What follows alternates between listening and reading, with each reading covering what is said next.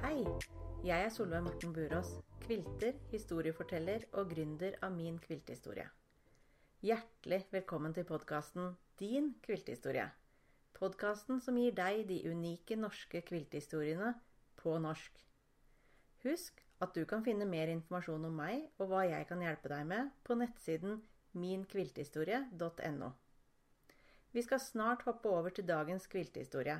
Men før det håper jeg du vil fortelle at du hører på denne podkasten til dine sy- og kviltevenner. Når du gjør det på sosiale medier, og samtidig husker å tagge meg, kan jeg si hei tilbake til deg. Hva heter du, og hvem er du? Jeg heter Britt Gubberud og er en godt voksen dame. Um, Jeg bor i Ottestad i Stange kommune, da Hedmark fylke, som vi kaller den nå. Ja, Sjøl om vi har vært i Innlandet, Ja, eller? kjernen vi innlandet. Ja. Ja. Hva er ditt eh, favorittverktøy på syrommet? Jeg er veldig glad i symaskina mi. Ja. Ja, den er gull verdt. ja. Ja. Eh, og så har du et stort teppe på fanget. Hva er det du har tatt med deg for noe? Det er et sengeteppe som eh, kom- kommer fra et prosjekt som vi frivillige hadde. Vi, skulle, fikk, eh, vi var tolv stykker som var med på det her. Og da fikk vi eh, tolv forskjellige biter på 6,5 ganger 6,5 inch. Og det skulle vi lage et eller annet av. Det sto oss fritt hva vi gjorde for noe. Og så mm, kom jeg over nierblokka, og den syns jeg så veldig spennende ut. Ja. Så da ble det faktisk tolv nierblokker. Og det ble jo litt mye.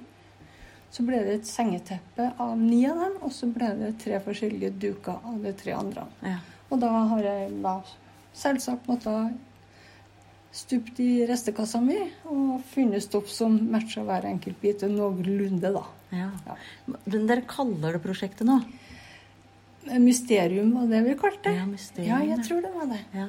Hemmeligheten, syns jeg. Hem hemmeligheten var det, ja. ja. Stemmer det. hemmeligheten. stemmer det. Ja, ja, ja. Hemmeligheten var det, ja. Ja. På en eh, trådsnelleskala da, fra én til fem, hva er det, mm, hvor stor syglede hadde du av å sy det her? Fem, faktisk. Ja. For det ble, så, det ble så spennende å prøve å få al- alle bitene til å bli en nierblokk som passa sånn noenlunde sammen. Ja. Så det ble faktisk veldig spennende. Ja. Det gjorde det.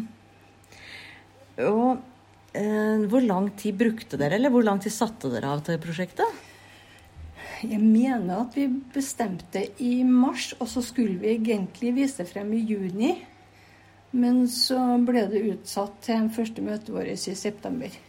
Ja. Når vi skulle vise det. Ja, ikke sant. Eh, og så sa du at dere fikk jo utdelt noen stoffer. Men er det noen andre stoffer som du har lyst til å trekke fram fra det prosjektet her? Jeg er jo veldig glad i de ballistoffene mine i forskjellige nyanser.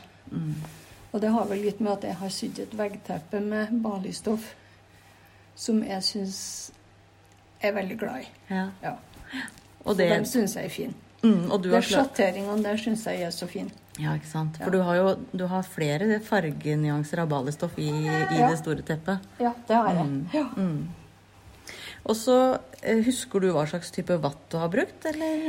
Du, det husker ikke jeg, for jeg har levert det til Karin Bekkedal på Stange, som har kvilta det, så jeg husker ikke på hva Karin sa hun brukte. Nei.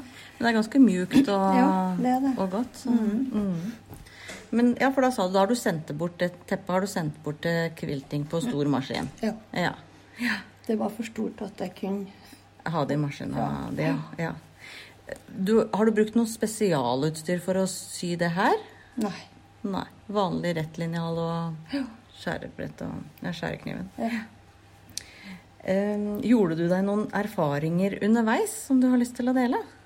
Ja, egentlig så gjorde det at når jeg først begynner å få en, en stoffbit som jeg skal gjøre noe med, så baller det på seg med så mange stoffer rundt omkring, så jeg er litt spent til slutt om de i hele tatt passer i lag når jeg er ferdig med alt. Ja. Det, det, ja.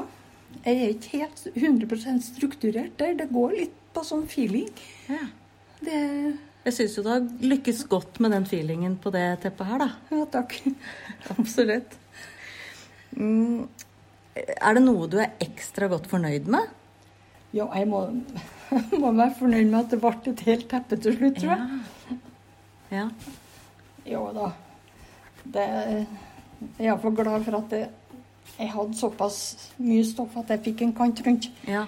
Ja, det, så ellers ble jeg vel ikke egentlig fornøyd med. Jeg syns det var litt morsomt. Ja. Morsomt prosjekt. Er det noe du ville ha gjort annerledes, da? Nei, det tror jeg ikke. Nei. Så bra.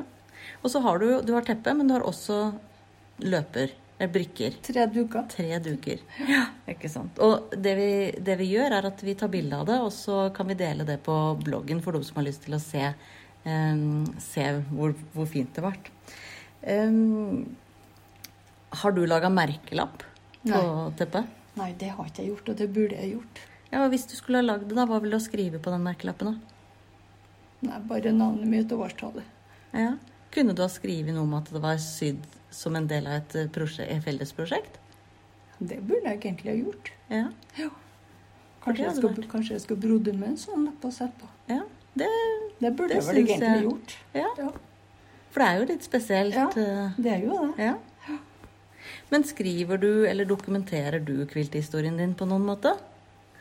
Det har jeg faktisk ikke gjort. Og det skulle jeg ønske at den boka de har kommet for mange år siden. Ja. For det har vært, det har vært en fordel.